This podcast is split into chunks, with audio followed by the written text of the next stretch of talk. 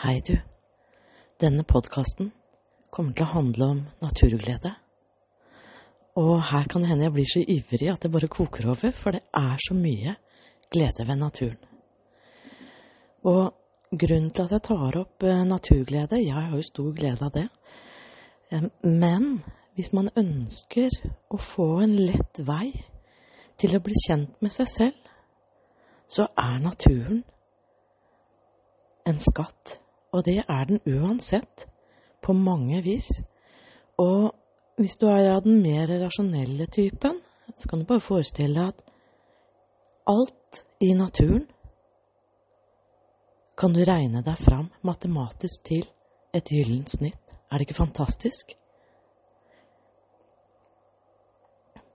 Det gylne snitt vil jeg ta opp i en annen podkast, men eh, det gylne snitt handler, handler om harmoni.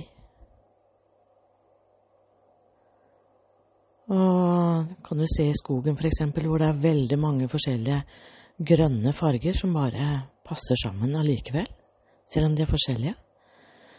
Men det som er veldig ja, Det er så mange fine ting med naturen, men en av de er at den frekvensen, den hertsen, som er og finnes og bor overalt i naturen, den har en sånn frekvens som gjør at vi blir smitta av den frekvensen, uten at vi trenger å tenke så veldig mye på det.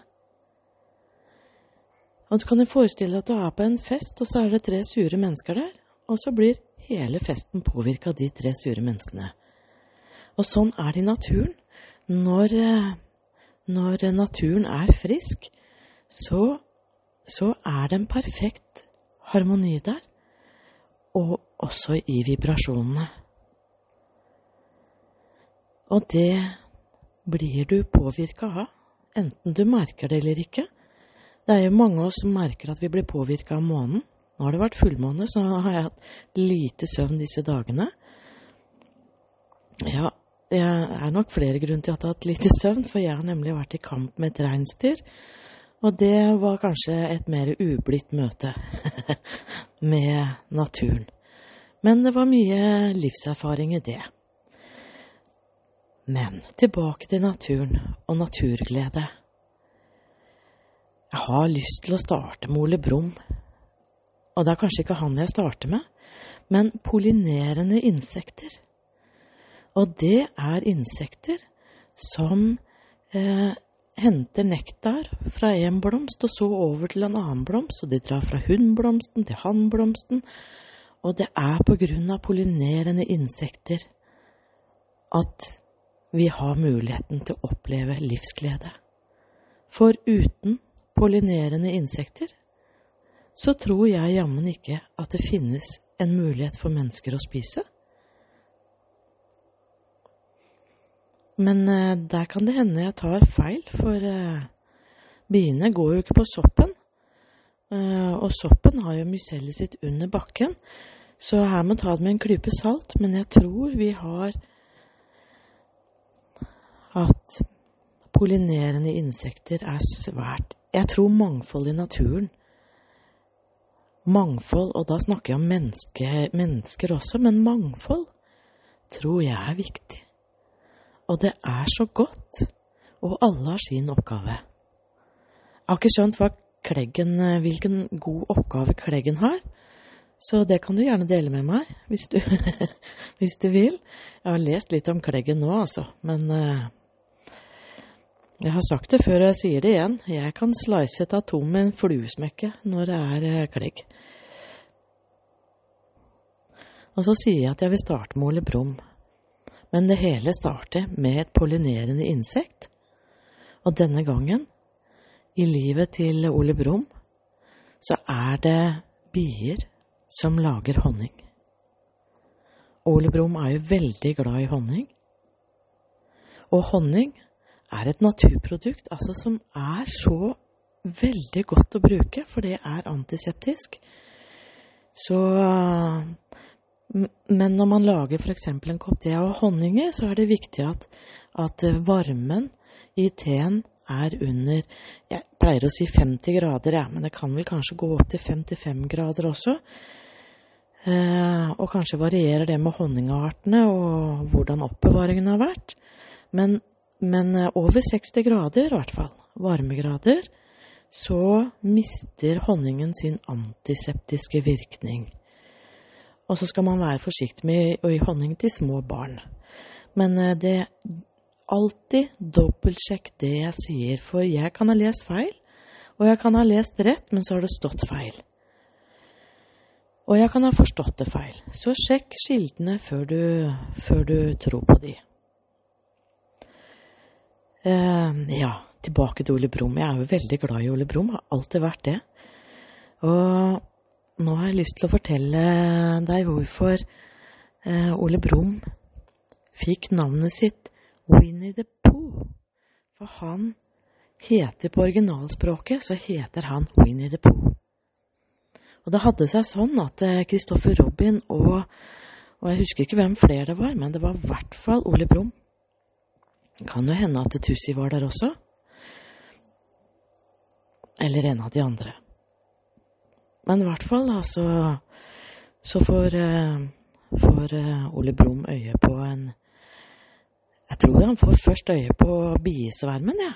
Og så skjønner han at oi, her er det mulighet for, her er det mulighet for litt deilig mat. Her er det honning, tenkte han. Men det var jo høyt opp. Det var vel kanskje, ja Kanskje 20 meter opp. Det var veldig, veldig, veldig høyt opp. Og så diskuterer de da hvordan de skal få tak i den honningen, og han Kristoffer Robin han vil jo gjerne hjelpe Ole Brumm. Så han får tak i en, en stor heliumsballong som de blåser opp. De blåser den opp, og de blåser den opp, og de blåser den opp, og den er stor og fin, og jeg tror den var rød. Og så lager det en løkke, sånn at Ole Brumm klarer å holde seg godt fast i denne ballongen. Og, og, og, og, og, og plutselig, du, så har han mista fotfestet, og så henger han i lufta under denne ballongen, og i begynnelsen så sveier kroppen fram og tilbake, og armene henger i en sånn trekant fra skuldrene over hodet, holder godt fast i ballongen. Og så svever han litt til, og bena dingler fram og tilbake. Og så kikker han litt sånn skulende det, da, for han syns liksom Oi, oi, oi, oi, og Kristoffer Robin, han blir jo bare mindre og mindre og mindre og mindre. Mens Ole Brumm, han kommer høyere og høyere og høyere og høyere. Og så, så begynner han å bli litt usikker, for nå er han jo nærmere biene enn han er Kristoffer Robin. Eh, og så, og så hvisker han så høyt som han kan, 20 meter ned, sånn at Christopher Robin skal høre det. Christopher Robin! Og så, og så spør han tror du biene begynner å bli mistenksomme, for han er jo altså så redd for å få biestikk. Å, men han hører ikke noe svar. Og Christopher Robin, han er bare en prikk der nede nå. Og så henger han der, da, vet du, med armene rett over hodet og holder i, holder i tauet, vet du, eller i tråden. Og så Og så Originalnavnet hans er som sagt Winnie the Pooh. Men uh, Oi, oi, så er det en av disse biene, før han kommer bort til honningen, som setter seg på snuta til Ole Brumm. Og Ole Brumm, han tør jo ikke å slippe ballongen. Han holder så hardt han kan. Og så, og så akkurat da så begynner han å skjele med øynene, så han ser rett fram på snuta si, for der sitter det en, en, en bie. Og han, han tør ikke å røre seg i hele tatt. Og han kan jo ikke konferere med Kristoffer Robin heller, for han er jo bare en prikk. Og så prøver han å redde seg selv. Og det Ole Brumm gjør, Winnie the Pooh, det er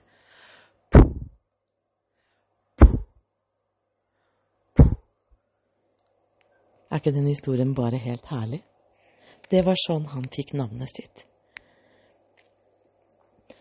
Men eh, Og, og, og, og det er et eksempel på et insekt. Ikke Ole Brumm, da, men eh, biene. De lager honning, men de gjør mye annet. De pollinerer blomster og, og mat osv. Og, så og jeg er jo veldig, veldig glad i humla. Jeg elsker humler. Og nå, de siste årene som kroppen min har gitt meg mulighet til å sitte mye i ro, så har jeg fått lov til å bli, bli ganske godt kjent med humla. Og det er så jeg har lyst til å gi den en klem. Og nå kan jeg si å, ja, der er en jordhumle. Å, der er det en gjøkhumle. Og, og gjøkhumla, det er en morsom historie med den, for den gjør akkurat det samme som gjøken gjør. Men jeg, og det fins mange arter med, med, humler. Og det er så så fint å kunne skille de fra hverandre. For det er sånn Oi, det er en markhumle her. Oi, den har kommet veldig langt nord, eller, eller sånne ting. Og, og, og så vite, vite, Oi, der er en dronning, du. Oi, hva er det hun har på seg? Midd. Og så er det i gang, vet du. Og, men jeg skal legge ut en egen podkast om uh, humlene. Og jeg vil bare si det at jeg, sitt, jeg, planter nemlig planter som humlene er glad i. Og så er jeg veldig glad i en, en plante som heter blomkarse. Og blomkarsen, den er så fantastisk. Du kan spise alt på blomkarsen. Bladene, de smaker litt sånn pepperaktig. Og blomstene, de kan jo pynte opp ethvert bord med. De smaker, eh, smaker veldig, veldig mildt og litt grann søtt. Men mye mindre søtt enn et blåbærkart, f.eks. Men eh, jo, og når frøa kommer eh, kommer de i en sånn Det ser nesten ut som et grønt gresskar, men hvis man klemmer på midten av det frøet, så deler den seg og blir til fire eller fem, eller om jeg husker feil. Men å, den konsistensen på de frøa er akkurat som knutekål. Og, og, og så smaker det det smaker varmt pepperaktig, som en slags blanding mellom sortpepper og chili. Og så er de så fine, for de kan du veldig lett sylte, sånn at du får kapers. Det blir jo ikke kapers, men de smaker veldig likt som kapers. Og da har du kapers eh, eh, når du måtte ønske det. Og det er en av grunnene til at jeg elsker blomkarse. For det første så er den jo vakker mens den er vakker. Men den har altså et fullstendig bruksområde. Og du, humlene elsker blomkarse. Og det kan hende jeg tar feil, men her oppe i Nord-Norge elsker i hvert fall humlene blomkarse.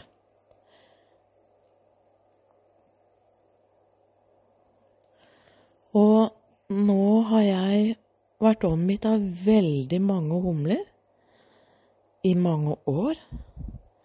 Eh, faktisk mitt første møte med en humle. Da var jeg 16 år gammel. Eh, det var ikke mitt første møte med en humle, men det var første alvorlige møte med en humle. Eh, og den var død. Og det syns jeg var så trist.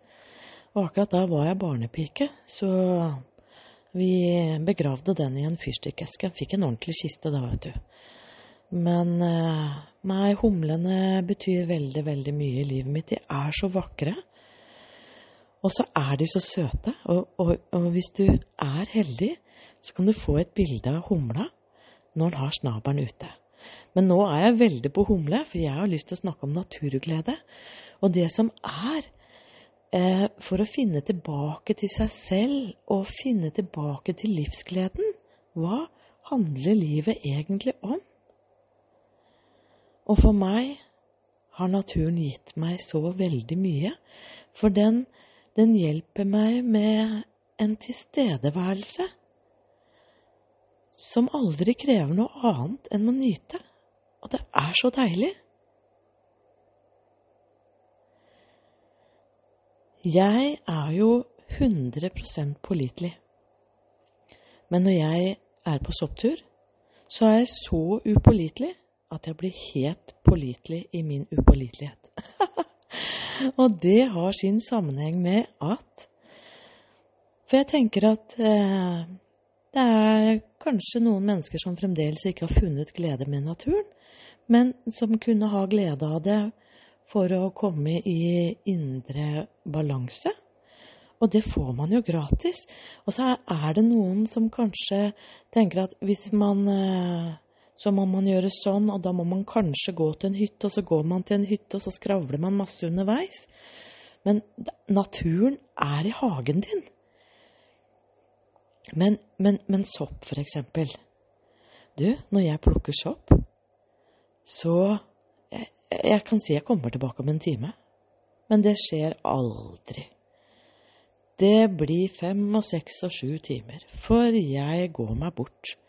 Og jeg går meg ikke bort, for jeg Og det er litt herlig med naturen. For, eh, for, for man kan godt ha med seg et kart og kompass hvis, hvis eh, man er like glad i å plukke sopp som meg. Eller eh, glemmer seg litt bort. Men det, det, som er deilig med å plukke sopp for meg, det er at jeg, jeg føler meg som en sånn eh, Sherlock Holmes. Eh, som Som for, for soppen er, er frukten til soppveksten. Og soppveksten, den vokser under bakken.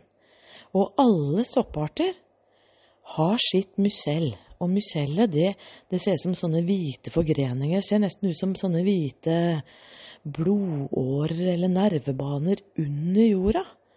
Og de varierer i hvordan mønster de vokser i. Så én soppart, nå husker jeg ikke hvilken det er, men én soppart de har mysellet sitt i en sirkel.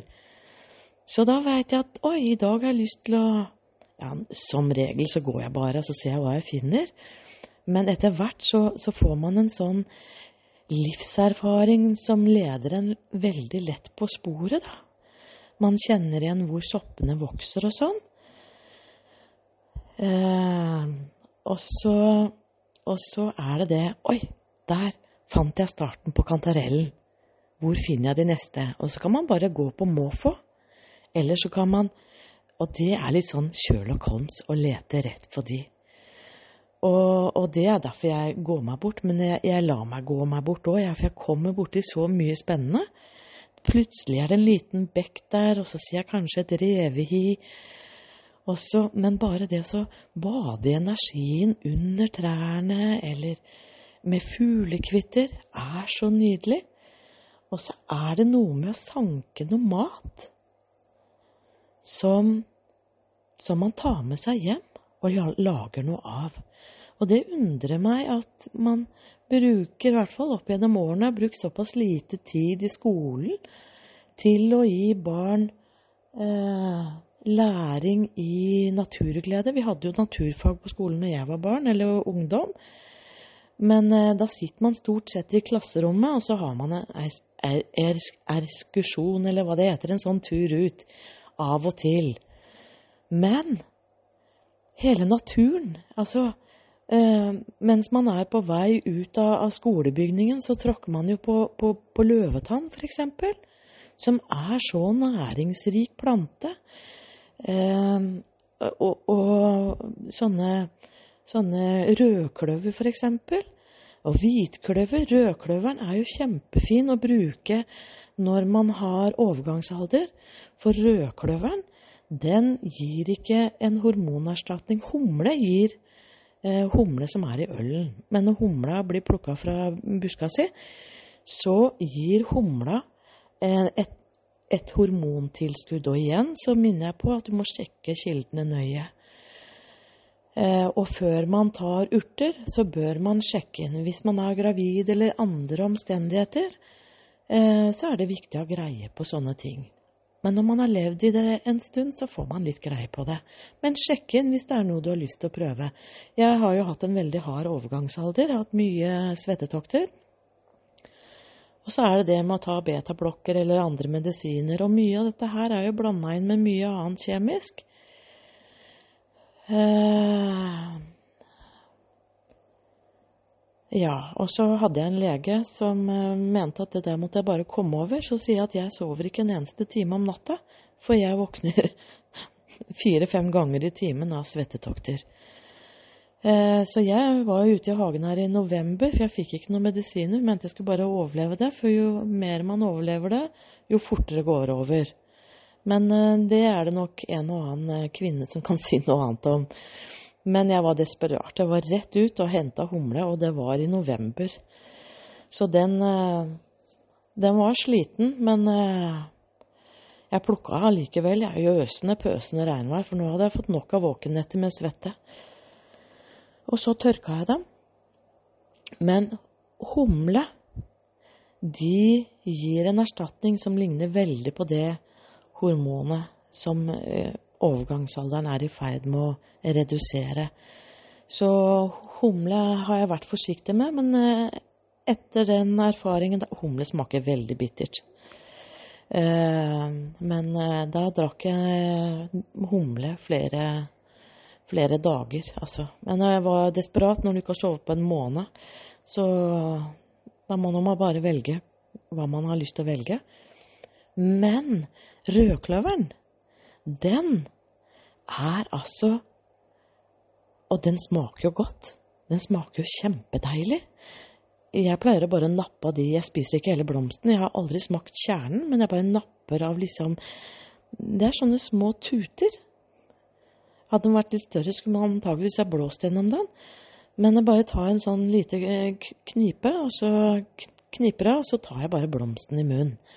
Og, og rødkløveren, nemlig, de gir ikke kroppen hormon, men de gir kroppen noe som minner om hormon. Og så er det det med å få til en balanse der. Og, og geiterams Jeg tror jeg må lage en egen podkast om geiterams. For geiteramsen, den har tre forskjellige årstider, altså sesongtider, får jeg si, hvor man både kan bruke bladene og i det hele tatt. Men det blir en annen podkast. Eh, så vi har så mye eh, Ja, groblad, eksempel. Eh, eller, eller skvalderkål. Det er jo et ugress i gamle dager. Og jeg må jo få si det sånn som det ble sagt i gamle dager. I dag er det antageligvis ikke lov å si det. Men jeg sier det sånn som det var forstått i gamle dager. Skvalderkålen har altså sånne lange, lange, lange stengler. Og har du skvalderkål i hagen, så har du mye skvalderkål. Og da er du veldig heldig. For skvalderkål er nemlig veldig god i salat, spesielt tidlig på våren. Og den har mange, mange, mange næringsstoffer. Og, og, men et annet ord eh, for skvalderkålen For under annen verdenskrig så prøvde man jo å, å, å bli kvitt tyskerne. Eh, eller være ufine mot tyskerne uten å si det så de hørte det. Og da ga de eh, skvalderkål navnet tyskerkål. Og det var rett og slett fordi de mente at eh, skvalderkålen var det umulig å bli kvitt. Så, så Og igjen Jeg kan ikke gå god for hvor sant det er, men eh, jeg tror det er riktig.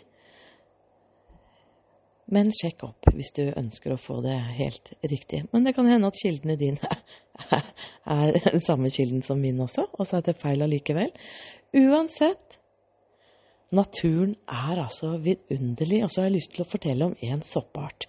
For jeg er sånn som liker å dele sopparter med, med, med, med alle som har glede av det. For jeg har jo vært på mange, mange soppturer. Og og noen eh, liker liksom å frede soppstedet sitt, eh, sånn at ingen andre får vite om det.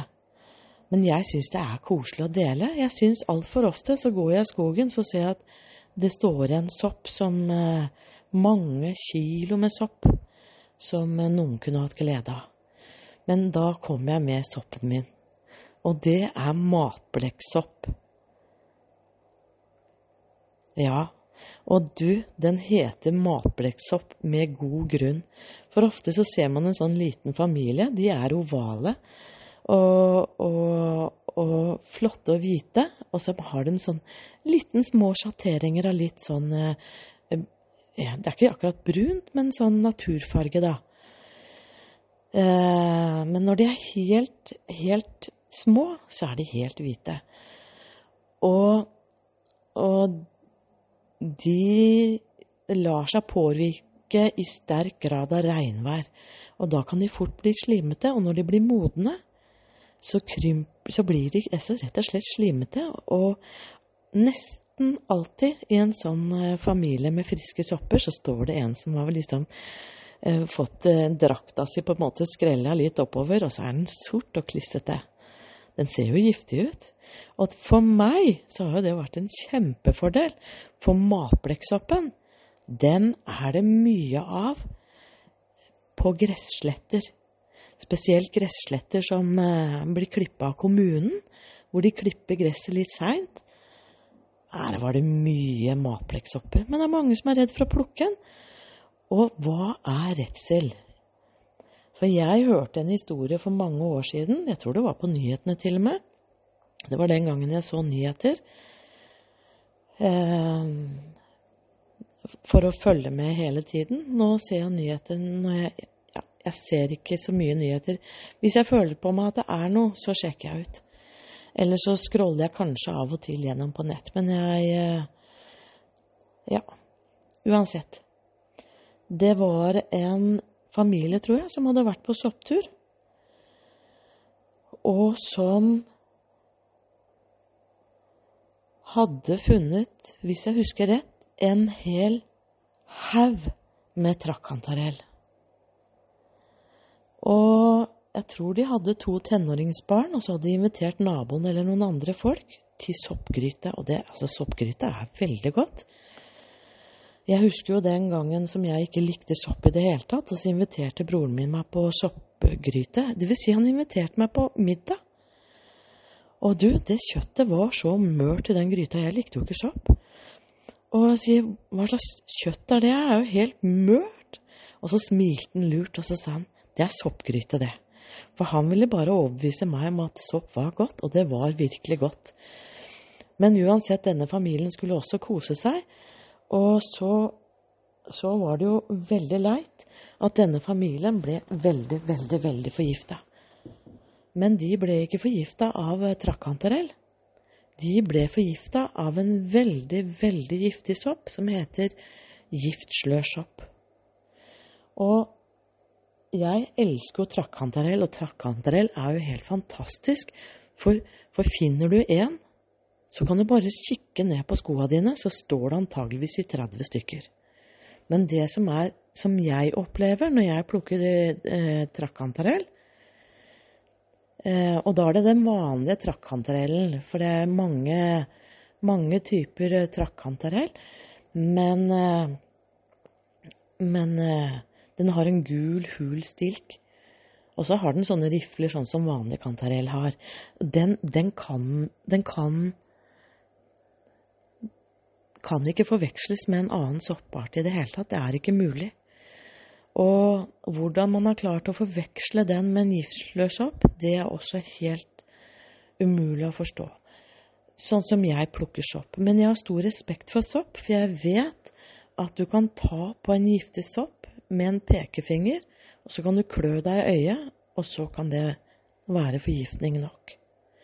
Og vi klør oss i øyet og slikker på fingeren veldig ofte, så når jeg er på sopptur, så plukker jeg én og én sopp. Og det kan være fristende når det er en bunke med trakkantareller som så tett i tett i tett i tett, og bare plukke dem som en sånn bukett med blomster.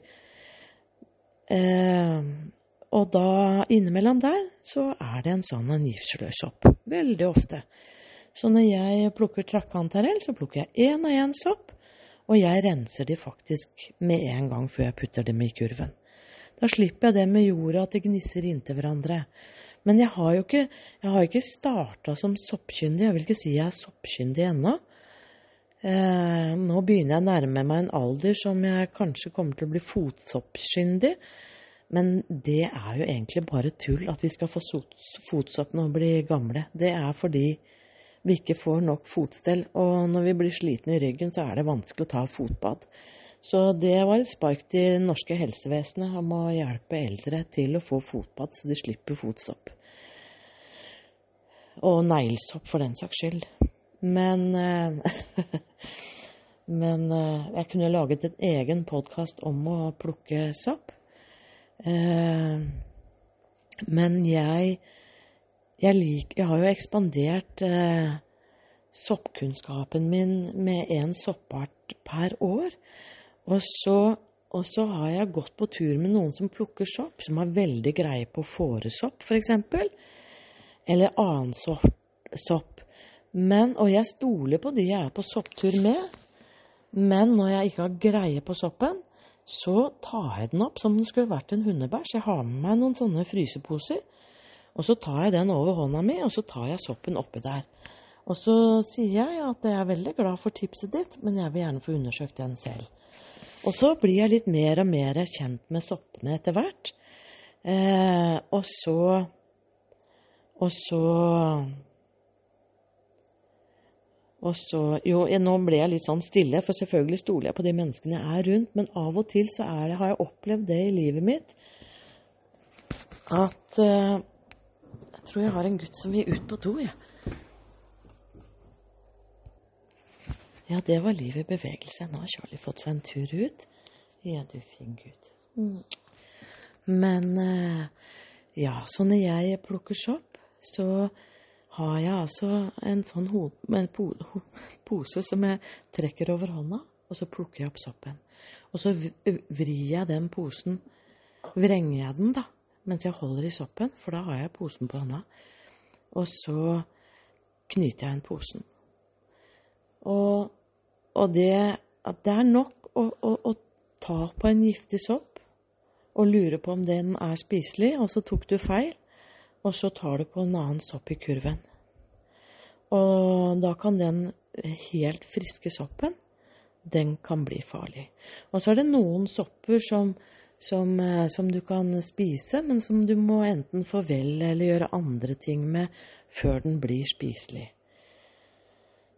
Ja, jeg syns jo man må gjøre normalsopp før den blir spiselig, kanskje.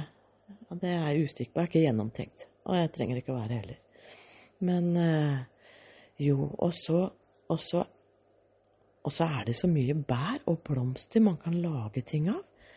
Eh, hvis jeg husker rett, eh, så er det en blomst som heter hylleblomst. Og man kan ta de blomstene, så kan rett og slett lage hyllebærsaft. Og hyllebær er beroligende. Så istedenfor å ta sovemedisin og, og, og, sånne ting, så er det veldig mye i vår norske natur som man kan spise. Eh, eller bruke i teform for å, å helbrede eh, irritert mage, betennelse. Det er mye urter som tar betennelser. Eh, og betennelse trenger ikke å ha noen annen grunn enn at man har veldig mye stress i systemet. og psykisk stress, fysisk stress, det spiller ingen rolle, for alt henger i hop. Men det å ha en, eh, ha en Altså kan det høres ut som det er mye jobb. Men vet du hva? Det er jo bare en glede. Og jeg har en sånn tørker hjemme. Det er med flere etasjer. Jeg kjøpte bare en billig en på Claes Olsson. Og jeg er sånn som skal ha liksom Det skal være nøye, og det skal være ordentlig og sånt. For jeg tenker at miljø Miljøet skånes best ved at man kjøper produkter som varer en evighet. Men det Det Det er ikke det politikken fokuserer på når man snakker om miljøvern. Men hvis det er sånn at Ja, nå er jeg over på noe helt annet, og det skal jeg ikke gjøre. Men jeg har i hvert fall en billig eh, sånn tørker fra Claes Olsson. Og den har sånne plasthyller. Jeg tror det er syv sånne plastikkhyller. Og så er det varme i bånn, og varmluft går jo opp. Så det som er nederst, blir jo tørka Ja, det varierer litt. Men den kan jeg faktisk tørke kjøtt i også, så jeg har faktisk tørka jeg pleier å lage godteri til hundene med å skjære lever i tynne skiver. Så jeg har faktisk tørka lever i den òg. Ja. Og det 299 kosta den for noen år siden, og virker like bra ennå. Og du, den i, i, For et par år siden så plukka jeg det er lenge siden jeg har vært på sopptur, men det er to, to år siden nå, eller et år, så plukka jeg en kilo sopp. Og så tørka jeg det, og den kilo soppen den fikk plass til et glass, liksom. Da har du mye tørka sopp, og når du putter det i en putter, ja, det er golf, vet du. Når man eh, hiver det i en suppe eller en gryte, så sveller det ut igjen. Er det ikke fantastisk? Og så er det så deilig at så deilig at man har noen råvarer. Eh, det får så stor glede. Og en annen eh, naturglede Jeg husker for mange år siden jeg hadde lite penger. Og så var det en jeg var veldig glad i, som jeg hadde lyst til å gi gave til. Men jeg var helt blakk. Og da gikk jeg ut i skogen, fant meg noen never, og det var rett og slett barken på et bjerketre.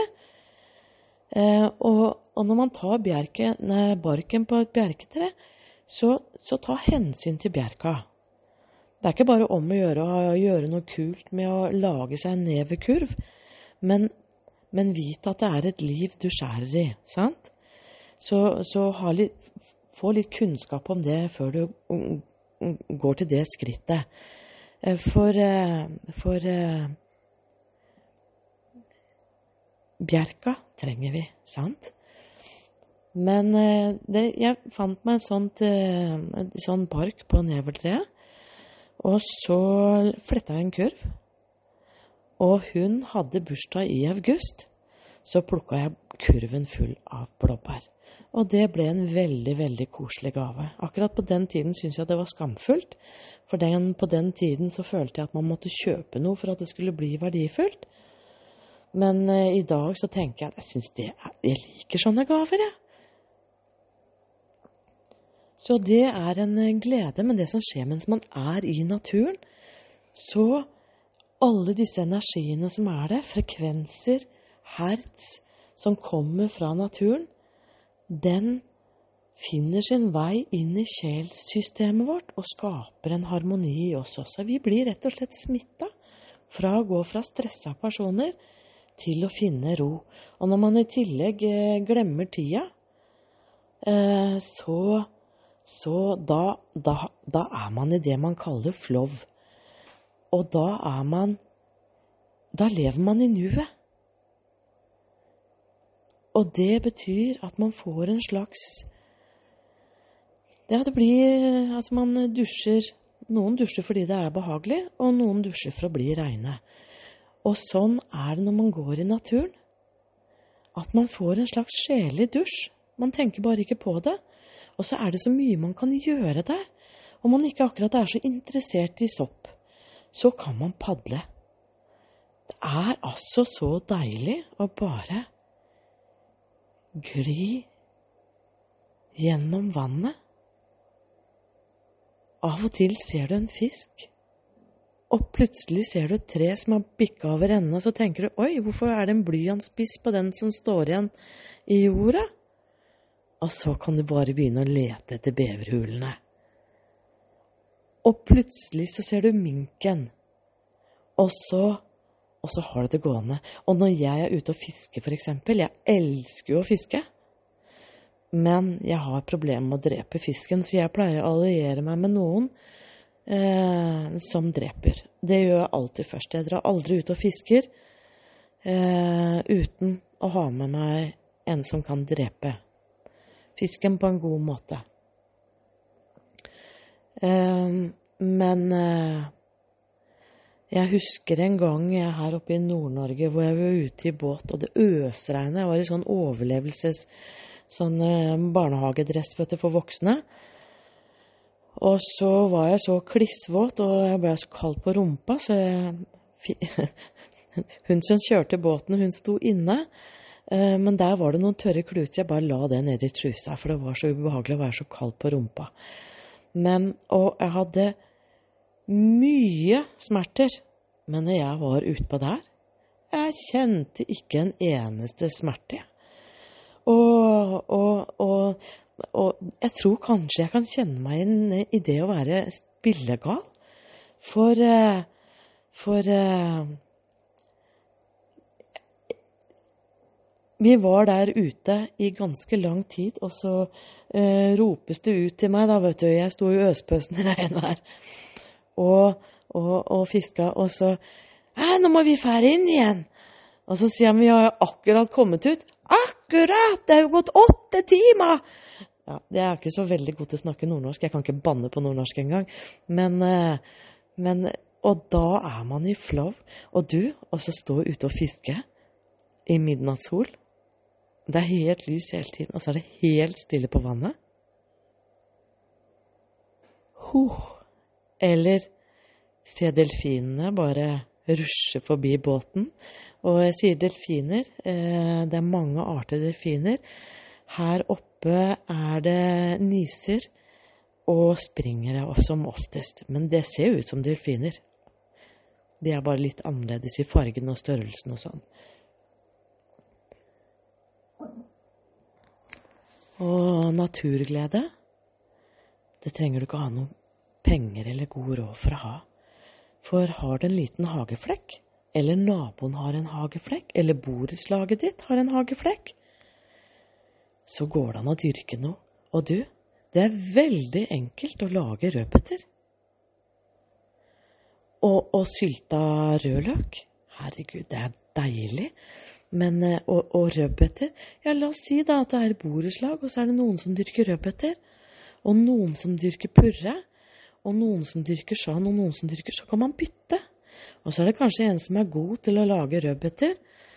Og det er et tips, men når jeg eh, lagde rødbeter, så brukte jeg eh, Jeg er veldig glad i hjerter, da. Jeg er veldig glad i kjærlighet, da. Men jeg brukte hjerteformer, sånne pepperkakeformer, og stansa ut rødbetformer. Og så, eh, jeg for min del eh, det passa sånn som det var i livet mitt da, men jeg hadde en syvliterskjele.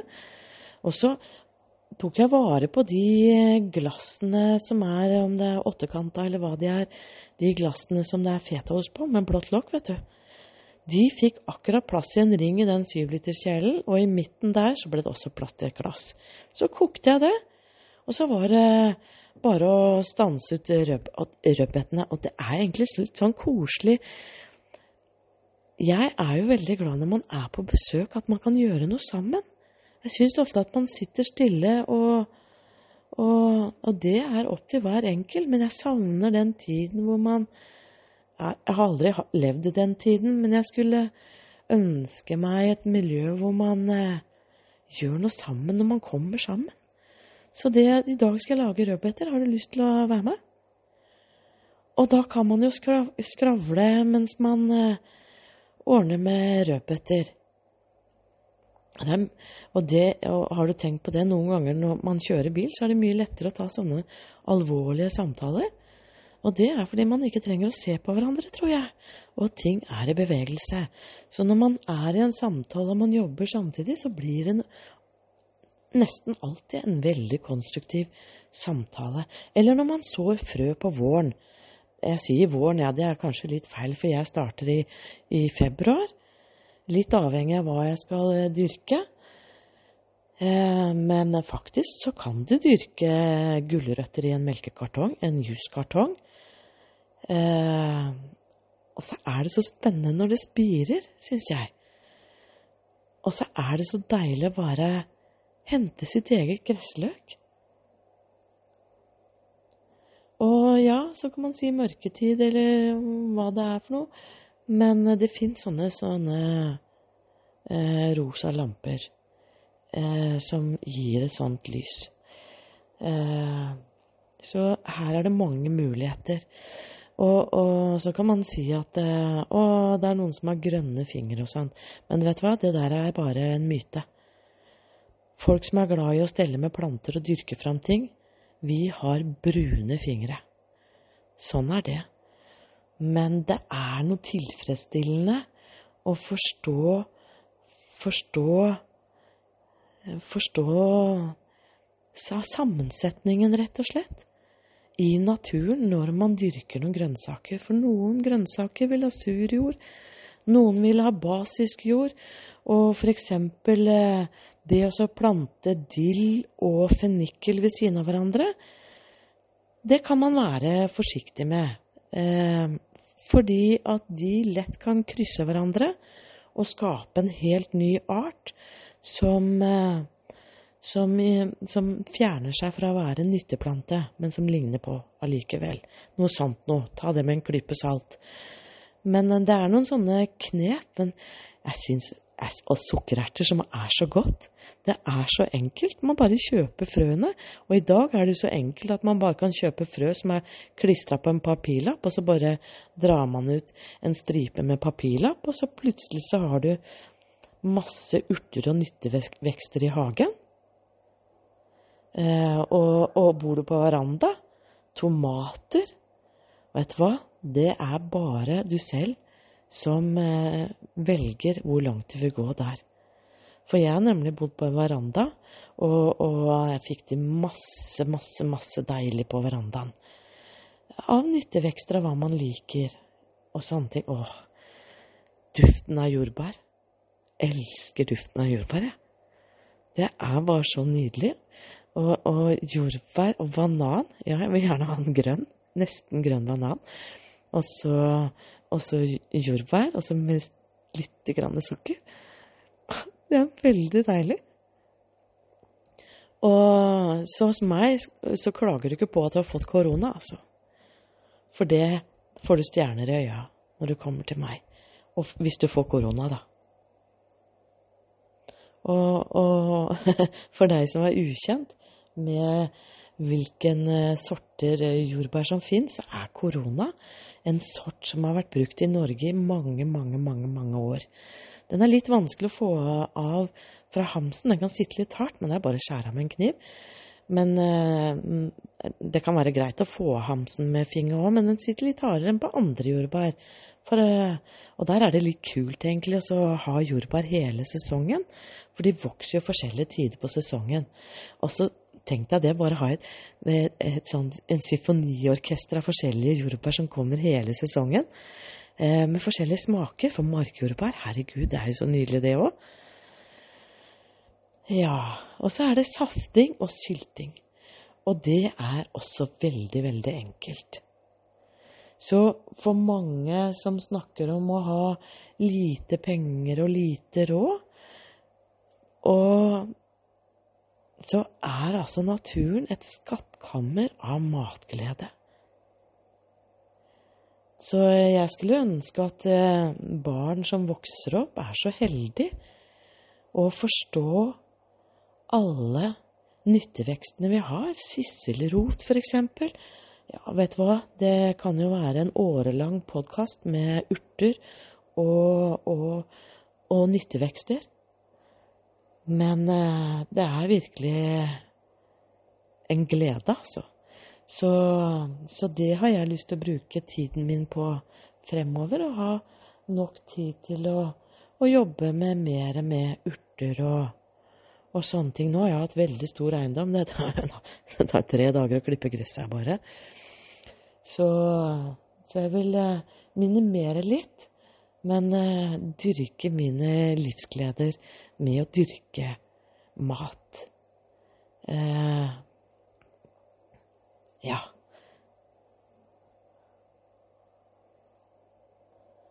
Og når man har vært mye i naturen og, og levd i nuet, eh, og det får du en pekepinn på når du kan eh, gå i naturen, og så tenker du hm, hvorfor lukter det så bringebær her, da? Og så lukter det veldig bringebær, men uh, man forstår ikke hvorfor, for det er jo september. Og hvorfor lukter det bringebær? Og så går man da kanskje 100 meter til, 200 meter til, og så har man hatt bitte litt vinddrag mot seg, da, antageligvis. Og så jammen var det bringebær der. Eller lukten av blåbærkart. Du, det lukter Og blåbærkart smaker veldig deilig, altså. Men eh, Men eh, Eller lukten av brennesle. Og jeg elsker brennesle. Og det som er Brennesle kan jeg snakke om i mange timer. Men brennesle er helt fantastisk, og nå har jeg plukka så mye brennesle at jeg faktisk kan plukke brennesle uten å brenne meg. Men, eh, Men da må man ha litt tid, for da må man plukke på rett sted. Ikke på rett sted i naturen, men på rett sted på stilken. Men, eh, men brennesle den kan faktisk, når man tørker brennesle, så kan den fremdeles brenne 100 år etterpå, den. Brennesle er en kjempenyttig vekst. Så det første jeg gjør om eh, våren, det er Jeg har en sånn 25 liters dunk, eller jeg hadde det, nå skal jeg jo flytte. Men den, eh, den, og den hadde en sånn kran i bånn, så jeg la den 25 liters dunken oppe på et sted hvor det er lett for meg å komme til. Men så bare vrei jeg på håndtaket, da. Så istedenfor å ta seg litt øl der, så, så kom det ut altså ja, må jo fortelle på forhånd, da, at den har jo en, en, en den dunken på 25 liter, den har en, et stort, stort lokk. Det er sånn Biltema-tunk. Eh, og, så, og, så, skrur jeg det lokket, og så går jeg rundt på hele eiendommen. Eller om man går langs gata, eller nede ved bekken, eller borte hos naboen, eller For det er mange som er glad for å bli kvitt brennesla. Men jeg gjør det tidlig, tidlig, tidlig om våren. Eh, når de første brenneslene kommer. Og så eh, plukker jeg de. Jeg, plukker, jeg, skal jo ofte gjøre det litt fort, men jeg, da plukker jeg med hansker, altså. Og, og, så plukker jeg en bunt, og så stikker jeg den bunten med føttene først. Og så klipper jeg små biter, og så stikker jeg det litt lenger ned, klipper litt, stikker litt lenger ned, klipper litt. Og ofte så fyller jeg så mye jeg kan, og så fyller jeg vann, sånn at det, eh, er godt dekka med vann. Og du, det lukter helvete. Hvis helvete har en lukt, så er det sånn det lukter. Men du, det er en sammensetning i den, eh, det gjødselet. Eh, og det gjødselet bruker jeg gjennom hele sommeren. Og nå har jeg blitt litt allergisk. Jeg har fått en overdose av svibler, for jeg er veldig glad i blomster.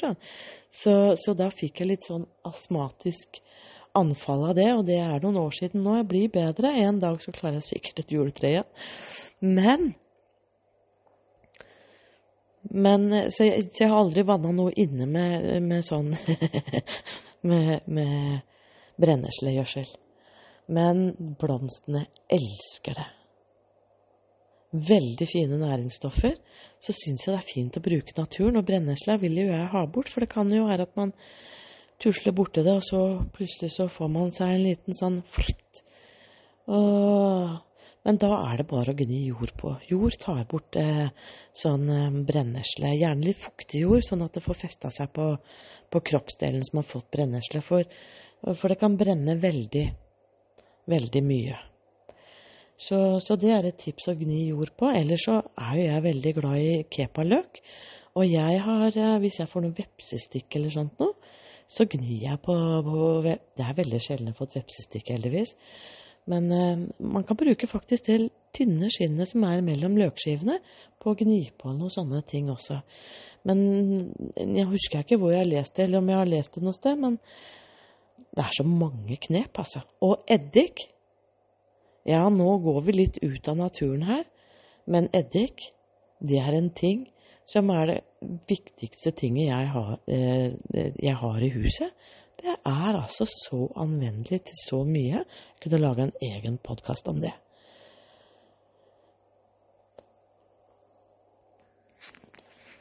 Nå er jo jeg veldig, veldig glad i vann. Og jeg har padla veldig mye. Og jeg var så heldig. å få lov til å dele mange år av livet mitt sammen med Harald Pettersen, som var formann i Bærum roklubb. Og der lærte jeg å ro skøller. Men siden skøllerne var så Er du flink til å være stille, Siri? Bra, Charlie. Siden skøllerne var så dyre Å, du, de der mahognibåtene. Du Ja, vet du hva, de var så fine og blanke at jeg hadde lyst til å gi dem en klem, men det var jo fryktelig dyre båter. Så i påvente av å, å ro en skøller, for det måtte man ha ordentlig opplæring i, så lærte jeg å padle. Jeg var veldig heldig. Og så kan det være at du har lyst til ut på vannet, men så er du redd for å padle. Og da kan jeg bare si deg det, at det finnes så mange forskjellige typer båter eh, som gjør det helt trygt å padle. Jeg så en fisker her som sto i en, en, en kano-kajakk-variant. Og han hadde en sånn anretning på båten sin som gjorde at han hadde en slags katamaran. Altså det vil si at han hadde noen rør som stakk ut på hver side, og så var det Så han kunne Om han hadde dansa i den båten, så hadde han ikke gått rundt. Så det fins veldig mange forskjellige stødige båter. Eh, så her, her har du mange muligheter, og det er fort gjort å tenke på bare kajakk. Og hvis jeg går rundt, så sitter jeg fast i båten. Det det tror jeg ikke engang jeg har hørt om. Og jeg har rafta åtte ganger i Sjoa. Det er selvfølgelig noen som har eh, Det er en teknikk eh, hvis man går rundt med kajakk, men jeg skal ikke gå for mye inn på det. For man kan ta en eskomorulle, og det er det ikke alle som har trent på. Men det kan bli en utfordring når man har på dette her trekket som sitter fast på kajakken. Eh, og det er jo et håndtak der, men hvis man får panikk Og dette er en helt annen versjon, eh, eller helt annen podkast. Eh, det fins mange små båtmuligheter som gjør det mulig å være på vannet. Eh, det fins madrasser med, med, med, med sånn eh, hvor du kan se tvers igjennom madrassen og se hva som er under madrassen. Du, det er veldig, veldig, veldig spennende, altså. Og, og, og, det er en av mine store drømmer når det gjelder sånn natur. Og det er å gå i en tunnel under vannet, og så spise mat under vannet mens jeg ser alle dyreliv. Og jeg har lyst til å, og jeg har lyst til å, jeg har lyst til å dykke òg, ja. Men mer sånn eh, eh, ikke dykke med alt det der utstyret, er jo så tungt. Jeg må jo ha noe som passer min kropp, men det så jeg på TV en gang. At det var noen som bare hadde en sånn maske foran ansiktet, og så gikk det ledning opp, så man bare kunne få se, se alle fiskene i, vannet. Nå kom jeg på, er det en fisk som heter Nemo? den oransje og hvitstripete? Ja, det tror jeg jammen. Men eh, ja, herlighet. Og så fins det så mange turer man tenker liksom Å, skal jeg gidde å gå Besseggen, liksom? Du, Besseggen er en fantastisk tur, og jeg var så heldig at jeg gikk den ned. Når man går Besseggen ned, så det er litt mer kanskje tungt for noen typer knær. Og så er det litt tungt for andre typer knær å gå Besseggen opp. Men det som var så deilig på Besseggen Nå kan det hende at jeg husker feil rekkefølge. Men der altså var det et hotell som vi landa på. Og så hadde vi med oss turutstyret, og så skulle vi starte turen dagen etter. Og vi hadde med svær sekk, og jeg liker å nyte naturen eh, uten å streve så hardt. Eh, for når man strever og sliter og okker og stønner, så er jo litt av gleden borte. Jo da, av og til så blir man støl. Og det er litt av det fascinerende med å gå i fjellet, at man tror man er på toppen, og så er det ennå to kilometer til toppen. Når man kommer opp dit, så er det enda en mil Skjønner du? Og nå har jeg Lærdal, Lærdal i, i, fjellet. Vi var i Lærdal for mange år siden. Fantastisk tur. Eh, og det var en sånn type tur. Og sånn er Besseggen litt også. Eh, men eh, og, Jo, og jeg håper jeg kommer på Rallaveien også. For det er så mange naturtyper man kan ta som passer alle mennesker. Eh, og, og, og Besseggen, for eksempel.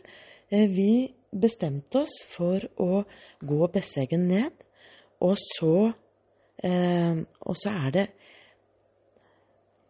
Gjendebu, Gjendesheim og Memrubu, og så husker jeg ikke rekkefølgen. Men det vi gjorde, bare gikk ut fra hotellet, og bare noen meter ned til brygga, så satte vi sekken på brygga, og så hadde vi skrevet navn på neste brygga som den sekken skulle sette seg på. Hæ, er det ikke flott? Så gikk vi Besteggen ned, og så eh, bare gikk vi på brygga, så henta vi sekken. Og, og, det eneste vi trengte da, var vann og, og regntøy eller det man syns man trenger på den turen.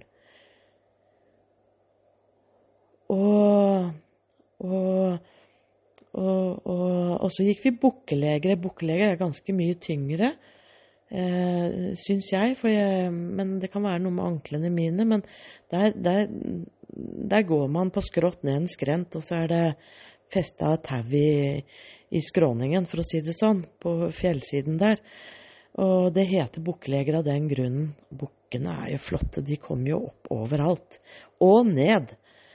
Eh, jeg så på et eller annet forrige dagen hvor du ser eh, en bukk stå på toppen av et 100 meters fjell som hopper over til den andre fjellveggen som var Var det ti meter unna? Så hopper han inn i fjellveggen, og så hopper han i sånn sikksakk ned, vet du.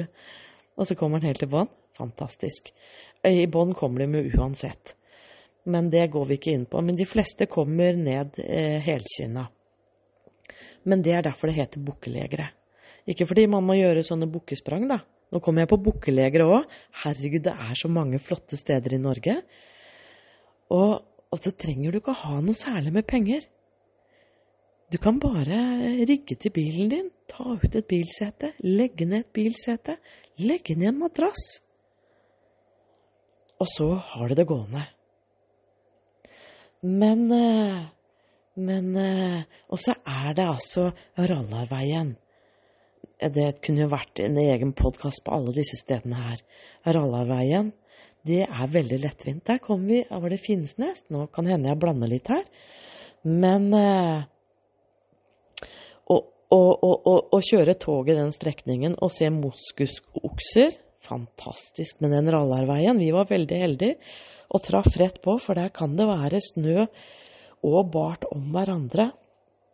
Men akkurat når vi var der, så var det perfekte forhold nesten hele tiden. Og da eh, kom vi til et sånt eh, turisthotell.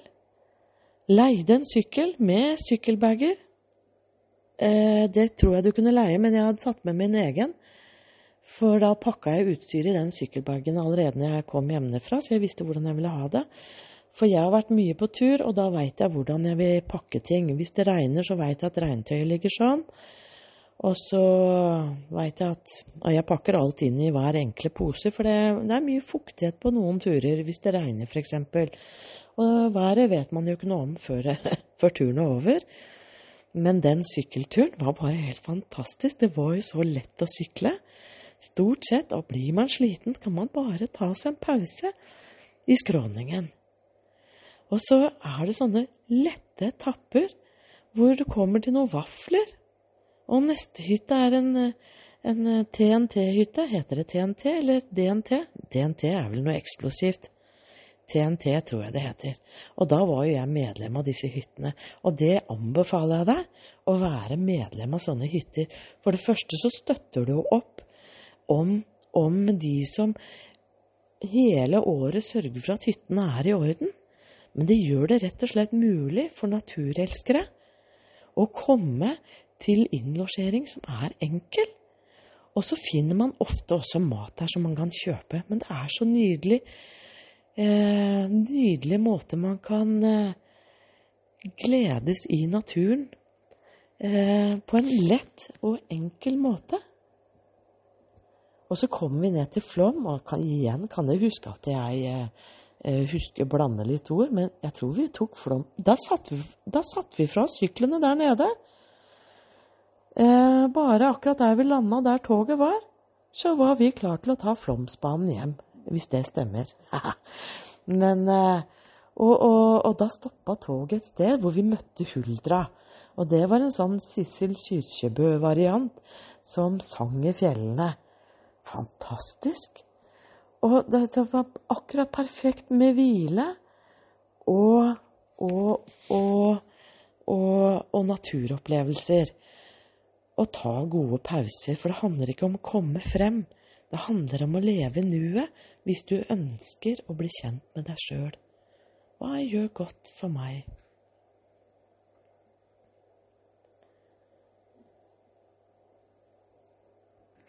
Men nå kom jeg på Jeg satte på en liten pause. Nå kom jeg på det at jeg var inne på det med å lage saft, f.eks. Og hvordan jeg koker glassene i den syvliterskjelen. Det er bare fordi det passer perfekt med de glassene, og det var bare tilfeldig. eh, hadde jeg hatt den kjelen, og plutselig så var det noen andre glass som var i huset. Men eh, jeg liker formen på de der glassene. Jeg syns det er en fin eh, form å sylte ting i, da. Om det er sylta rødløk, eller om det er eh, sylta rødbeter. Jeg syns det er en fin porsjon i de der eh, fetaostglassene med blått lokk, de der flerkanta. Men uansett, det å lage saft, det er verdens enkleste ting.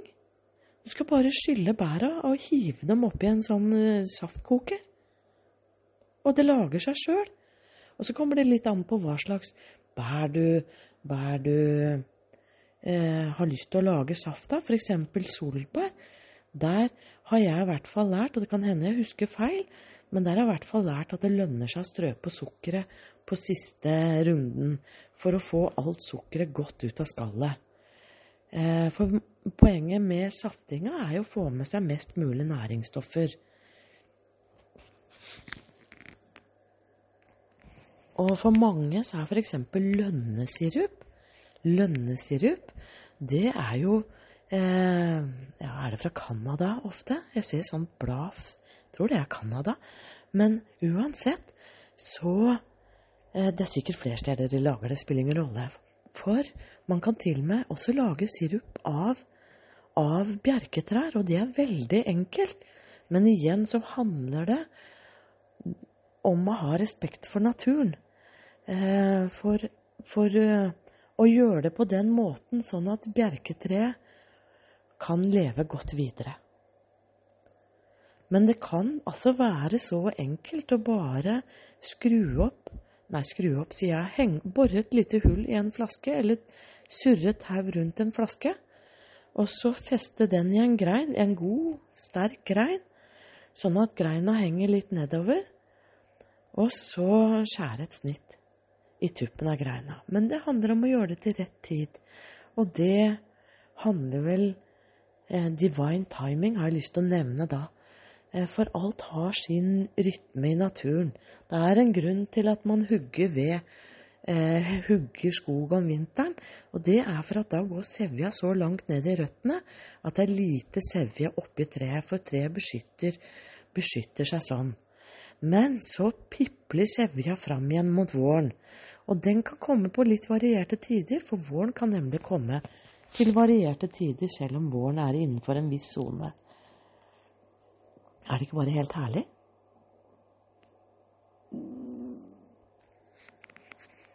Og det å gå på ski, det er en form for meditasjon så lenge man kan gå på ski i det tempoet man ønsker. Og jeg er en sånn skigåer som Ja, nå er det mange år siden jeg har gått på ski, men det ønsker jeg å gjøre igjen. Men, eh, og nå snakker vi kanskje gamle dager, for jeg snakker om å hive staven uti, vet du. Og så få en klæsj snø, for man har blitt litt tørst. og så hiver man den snøen i vann, og så spiser man den snøen fordi man er litt tørst. Eller man bare kjøper seg tid for man egentlig vil hvile litt mens de andre går litt fortere. Men, uh, men det er deilig å gå på ski.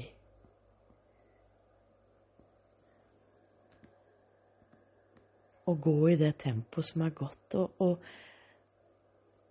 denne podkasten alle podkastene mine vil handle mer eller mindre om å inspirere til, til å finne sin indre livsglede og sin indre kilde.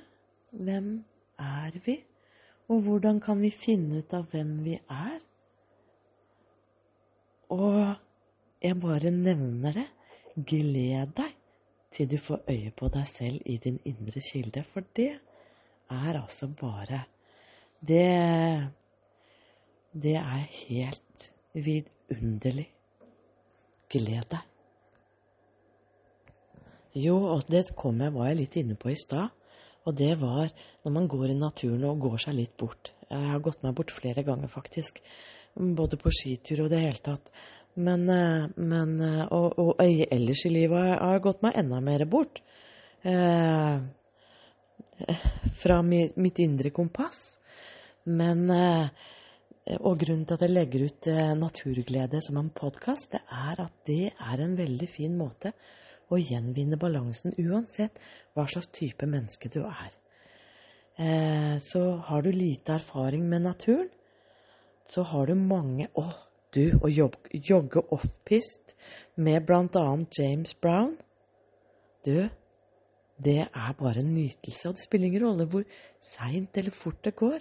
Så må du over en tømmerstokk, og så er det et lite steinparti. Så må du finte steinene, og så kommer det litt røtter, og så skal du på innsiden av røttene eller på utsiden. Vet du hva? Det er jo helt fantastisk.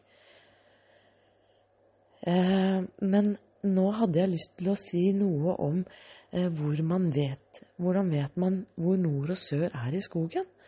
Og her er det et lett tips. Eh, og det er at finner du en maurtue, så vil maurtua ofte, ofte For det fins alltid unntak. Og hvorfor unntakene kommer, det kan jeg ikke svare på nå. Men som regel så legger maurtua tuene sine i sør. Og også kan du se det på trærne, hvilken retning trærne vokser for den vil strekke seg etter der det er mest dagslys. Er det ikke fantastisk?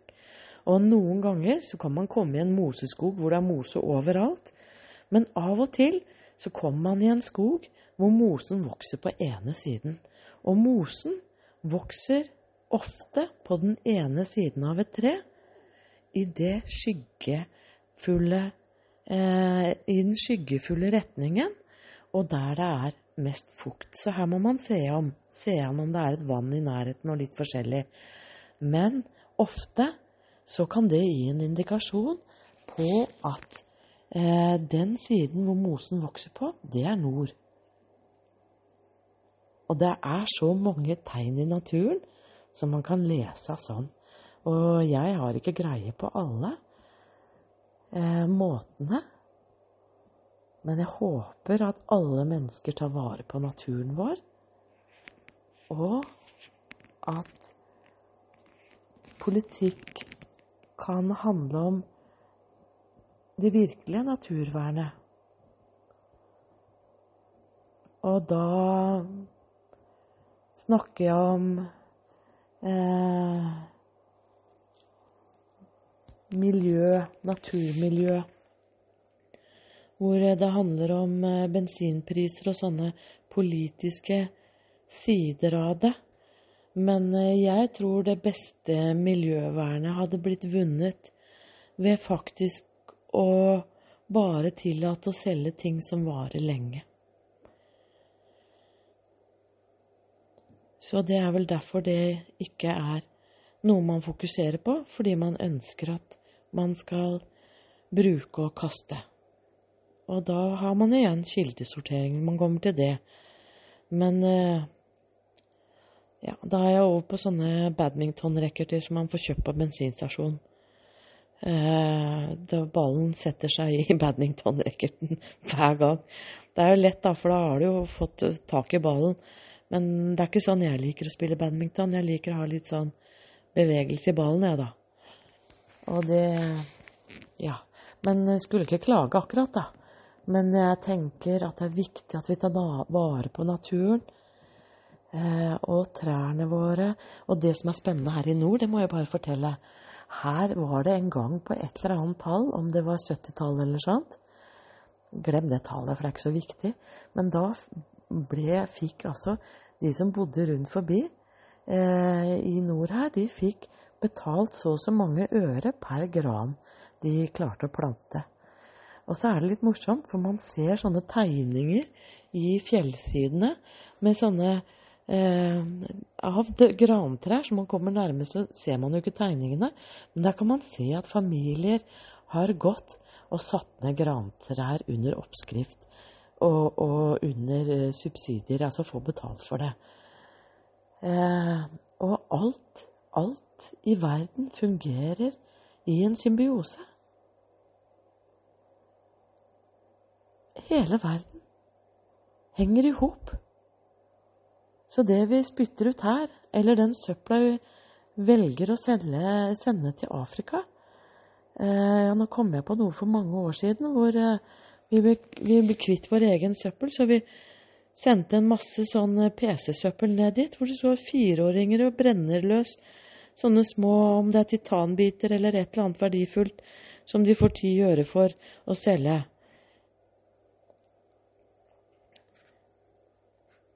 Vi har flaks som er født i Norge. Og jeg er i grunnen ikke født i Norge i det hele tatt. jeg er faktisk født i Australia. Men jeg hadde en norsk mor og en dansk far. Så, men eh, at hele verden henger i hop. Og det med Afrika er bare et trist kapittel. For eh, man snakker om å hjelpe Afrika og hjelpe Afrika. Man skulle egentlig betalt tilbake det man skyldte Afrika rett og slett. Og det gjelder mange av de koloniserte områdene i en hel verden. Hvor vi ikke trenger å drive med uhjelp. Vi skulle bare betale regningen for det vi allerede har tatt fra dem. Ja, nå ble det alvor her, merka jeg. Men det handler om naturen i Norge, nemlig. Og når det gjelder vindmøller, jeg syns jo det er veldig fint at vi utnytter vindkraft.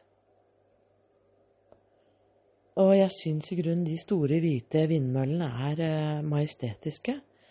Men det er én ting, og det er at man vil lage vindkraft. Og når det gjelder vindkraft og, og, og regn og energi, så burde ikke det fått lov til å bli eid av, av uh, utenlandske uh, bedrifter privateide bedrifter.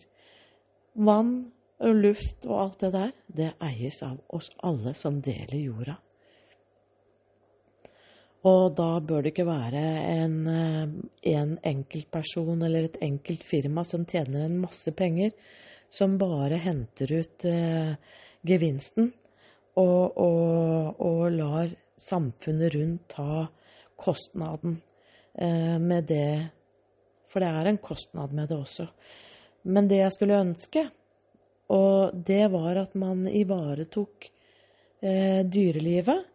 Jeg er jo veldig glad i ørna. Fra stolen min her jeg sitter nå, så har jeg faktisk telt 28 havørn.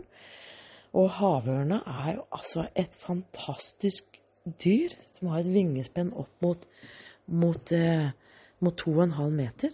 Og, og, og, de deler på omsorgsrollen. altså Det syns jeg også er flott. De bytter på å hente mat og passe på, på ørn, ørnungene i redet. Og de lever sammen i et monogamt forhold. Jeg tror de kan leve så mye som 25 år, men ta det med en klype salt. Men ørna har, eh, og andre fugler har gått mye, altså krasja i, i disse vindmøllearmene. Og så kan man tenke herregud, ser ikke ørn Klarer ikke de å se, eller? Den går jo så sakte rundt. Men her er det ting som av og til kan være usynlige for oss mennesker, men som er helt opplagt for et dyr. Men et dyr kan ikke forstå det. For jeg tror at fugler har en indre GPS som har styrt av noe sånn. Ja, hva det er styrt av, så kan man jo lure på hvorfor kompassnåla går i den retningen som man går i. Og det har med magnetisme å gjøre, og magnetiske felt. Så ørna, så vidt jeg har forstått, den krasjer i vingene på eh, vindmøllene fordi eh, GPS-en deres går i stykker. Eh, og jeg kan ikke nok om det til å si det, men jeg skulle jeg ønske egentlig, hvis jeg var politiker, så skulle jeg eh, En av de første tingene jeg skulle gjøre, var at alle bedrifter som gjør noe Nå går jeg ikke ut mot én spesiell bedrift, men eh, sånn som Røkke, han var jo veldig eh, Og var det Gjelsten? De var jo veldig flinke til å finne nye ressurser på havbunnen. Og så fant de opp en støvsuger, nå bruker jeg store ord her, men fant de opp en støvsuger som støvsuga havet. Og uten å ha kompetanse på eh, For de hadde kompetanse på profitt, og det var de veldig gode til. Men de hadde ikke kompetanse på hva som ville skje når man støvsuga havet for det livet som var der. Det var ikke bare eh, store kongekrabber som kom med der etter hvert. Eh, og, og, da er det samfunnet rundt som må ta regninga. Så en ting jeg ville gjort som politiker, var at en viss sum av det den næring Sånn som f.eks. det med å støvsuge havet. Eh, at en viss prosent av det de får i inntekt, skulle gå til et sånt depositum som skulle stå i banken eller i et fond i 20 år etter at bedriften var nedlagt eller ferdig med å støvsuge, sånn at man kunne bruke de depositiv, eh, depositiv, de, depositumpengene til å reparere de skadene som allerede har skjedd. Og det gjelder jo mange bedrifter som går konk. Plutselig så står det en hel haug med biler som det vokser plante gjennom. Og for oss som er glad i å ta bilder, så ser jo det veldig vakkert ut. Men hvem er det som skal ta regninga? Og nå er det nesten så jeg kommer inn på outsourcing av, av tog. Eh, for de som eh, vil tjene penger på sånne tog-tog, eh, de kan jo da legge ned stasjoner. Fordi de er ute etter profitten. Men hva skjer med infrastrukturen da? Hvis man legger ned to togstasjoner. Og det tar ikke profittskaperne hensyn til. For de er ute etter profitt. Derfor er det feil med outsourcing. Dette var veldig enkelt. Men eh, Men eh, Ja, for infrastruktur, det må vi ha, nemlig.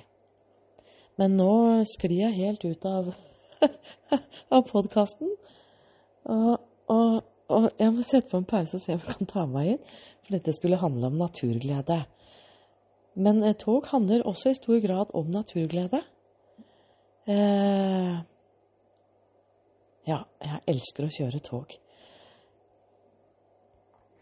Ja, nå tok jeg meg en pause, fordi hver gang jeg har lagt ut en podkast, så tenker jeg å, det er gud, jeg skulle sagt det. Så sånn er det. Men eh, jeg har lyst til å si litt om podkastbildet denne gangen. Og det er at jeg har lyst til å finne et podkastbilde av en Geiterams, som er så anvendelig. Jeg kunne jo tatt av blomkar... Det er mye jeg kunne vist bilde av her. Jeg elsker jo blomkarse. Det er hundene mine som snakker sammen. Men uh, Må du høre hva Siri sier, Charlie? Må du høre? Må du høre? Sånn, ja. Det er litt forskjellige meninger om hvor mye man skal pushe grensen her. Ja, du er fin gutt, Charlie. Du er fin, Siri. Men jeg har lyst til å finne et bilde av en geiterams. Geiteramsen er veldig ofte, og stort sett, så ser geiteramsen ut som en rett stengel med masse rosa blomster på. Men denne geiteramsen her ser ut som et juletre. Så jeg tror jeg jammen legger ut et bilde av denne unike geiteramsen. Og tenk det at hvis du føler deg litt sånn på utsiden av samfunnet, og kanskje har vært på innsiden og nå er på utsiden, eller er på innsiden av det som skal være, og, og skuler bort til en som er på utsiden Det er så flott at vi er unike. For sammen er vi veldig mye vakkert. Når vi gir hverandre plass til å inspirere hverandre. Og jeg gleder meg til den dagen Morten i førstedivisjon løper av banen og går hjem i rosa prinsessekjole. Og at det er helt normalt. Det gleder jeg meg til. Og den veien er vi på vei, tror jeg. Så vær den du er og la folk være den de er. Meningen med denne podkasten, naturglede, det er at i naturen så finner man så mange gaver, i tillegg som man på en måte jorder seg selv og kommer i en harmoni bare på grunn av eh, frekvensene og energiene som er i naturen uansett vær.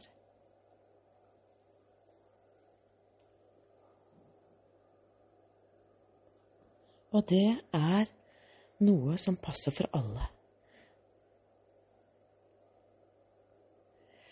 Det passer for alle eh, når det gjelder kostnad, For naturen kan bare være en hageflekk i borettslaget ditt.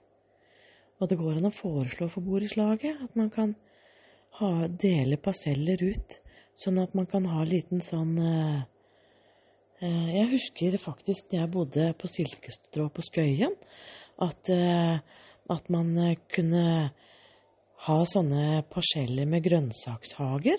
Eh, Det var et stykke unna der vi bodde, men, eh, ja, for det var nærmere Frognerparken, faktisk. Men eh, det var så fint å ha en hage og, dyrke noen grønnsaker i. Og det kan man få til nesten overalt i et borettslag. Så det er muligheter akkurat der du er nå. Og de kan du bare lete rett på hvis du har lyst. Ja, nå tenker jeg på bildene, jeg, da. På, og så tenker jeg å, jeg har så fint soppbilde hvor, hvor Siri, en av hundene mine, sitter ved siden av den soppen, eller bak faktisk, og hvor soppen er større enn henne. Eh, så da er det så mange fine naturbilder. Så jeg må holde en knapp på den geiteramsen, for, for den eh, Den er så vakker og så brukende. Og så, den var så vill og unik i seg selv, så kan hende det blir den. Men jeg må gå with the flow. Og det pleier jeg når jeg plukker ut bildene mine. Jeg bare sier Oi, den ramla inn. Og da sjekker jeg inn med min indre kilde. Og jeg skal snakke mer om den indre kilden i en egen podkast. Men eh, nå har det vært fullmåne og sånn halvakolypse. Jeg klarer ikke å si det ordentlig. Men eh, det setter ting i sving. så, og så står jeg midt oppi eh, veldig mye når det gjelder flytting. Så mye logistikk. Og hvis du tilfeldigvis hører denne podkasten og har en flyttebil og har lyst til å hjelpe meg å flytte et flyttelass fra Nord-Norge i nærheten av Harstad til Moss sånn cirka Det trenger ikke å være lagra et bestemt sted, men vi snakker om ca. 10-12 kubikk. Og det må hentes den 14. november 2023. Så veit du det. Da håper jeg du kikker deg i speilet og er glad i deg sjøl. Og når du er glad i deg sjøl, så titter du inn i din indre kilde. Takk for delt livstid og livserfaring.